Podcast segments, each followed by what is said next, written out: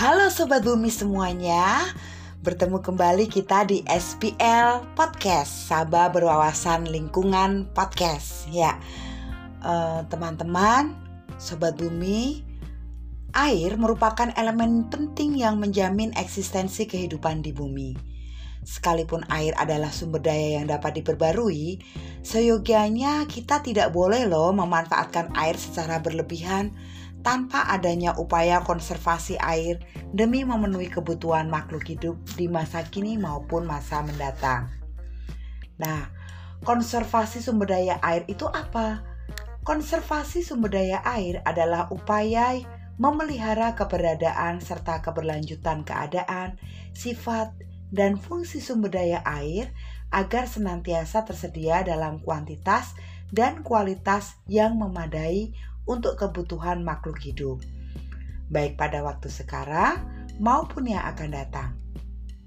Konservasi sumber daya air ini tidak hanya sebatas air yang ada di permukaan tanah saja loh sobat bumi, tetapi juga yang ada di bawah permukaan tanah. Pengelolaan sumber daya air yang pemanfaatannya dilakukan secara bijak perlu dilakukan untuk menjamin kesinambungan persediaannya dengan tetap memelihara dan meningkatkan kualitas keanekaragaman dan nilainya. Nah, sobat bumi, perlindungan dan pelestarian sumber air ditujukan untuk apa? Yaitu untuk melindungi dan melestarikan sumber air beserta lingkungan keberadaannya terhadap uh, kerusakan atau gangguan yang disebabkan oleh daya alam, uh, termasuk kekeringan dan yang disebabkan oleh tindakan manusia. Nah, apa saja yang harus dilakukan? Nah, yang harus dilakukan adalah satu, pemeliharaan kelangsungan fungsi resapan air dan daerah tangkapan air. Dua, pengendalian pemanfaatan sumber daya air. Tiga, pengisian air pada sumber air.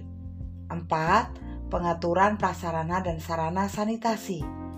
5. Perlindungan sumber air dalam hubungannya dengan kegiatan pembangunan dan pemanfaatan lahan pada sumber air. 6.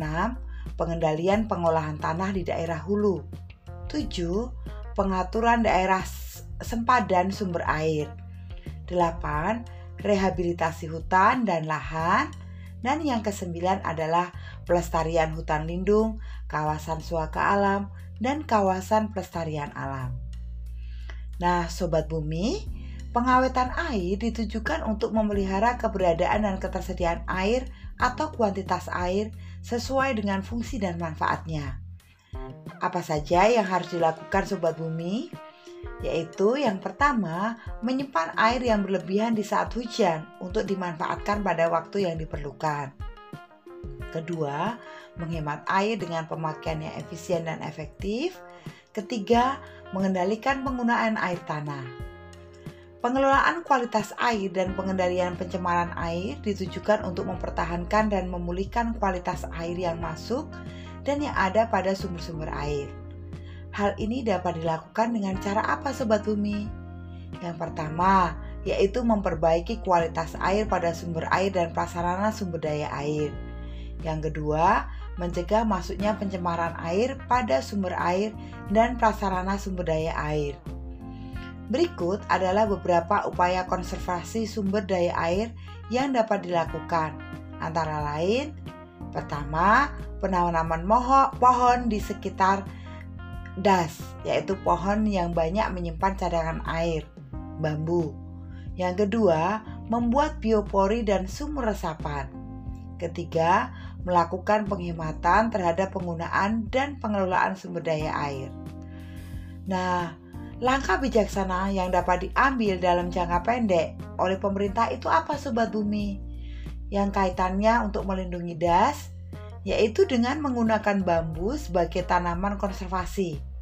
Selain memiliki keunggulan untuk memperbaiki sumber tangkapan air yang sangat baik sehingga mampu meningkatkan water storage Secara nyata, maka pertimbangan menggunakan bambu sebagai tanaman konservasi adalah karena bambu merupakan tanaman yang mudah ditanam serta memiliki pertumbuhan yang sangat cepat.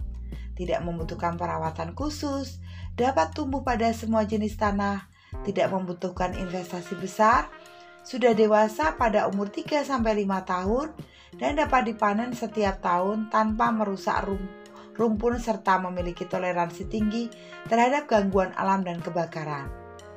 Di samping itu, sobat bumi, bambu juga memiliki kemampuan peredam suara yang baik dan menghasilkan banyak oksigen, sehingga dapat ditanam di daerah pemukiman maupun di pinggir jalan raya. Tanaman bambu juga mempunyai sistem perakaran serabut dengan akar rimpang yang sangat kuat. Meskipun berakar serabut, pohon bambu sangat tahan terhadap terpaan angin kencang. Perakarannya tumbuh sangat rapat dan menyebar ke segala arah, serta memiliki struktur yang unik karena terkait dengan secara horizontal dan vertikal, sehingga tidak mudah putus dan mampu berdiri kokoh untuk menahan erosi dan tanah longsor di sekitarnya. Di samping itu, lahan di, di bawah tegakan bambu menjadi sangat stabil dan mudah meresapkan air. Dengan karakteristik perakaran seperti itu, memungkinkan tanaman ini menjaga sistem hidrologis yang menjaga ekosistem tanah dan air, sehingga dapat dipergunakan sebagai tanaman konservasi.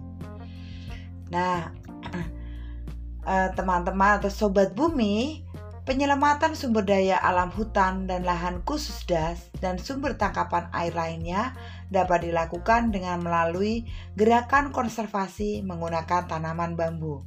Sehingga Sobat Bumi ke depannya ancaman banjir maupun longsor di musim penghujan serta krisis air di musim kemarau dapat dieliminir dan sekaligus dapat meningkatkan nilai tambah pendapatan masyarakat di sekitarnya melalui pengembangan industri berbasis bambu.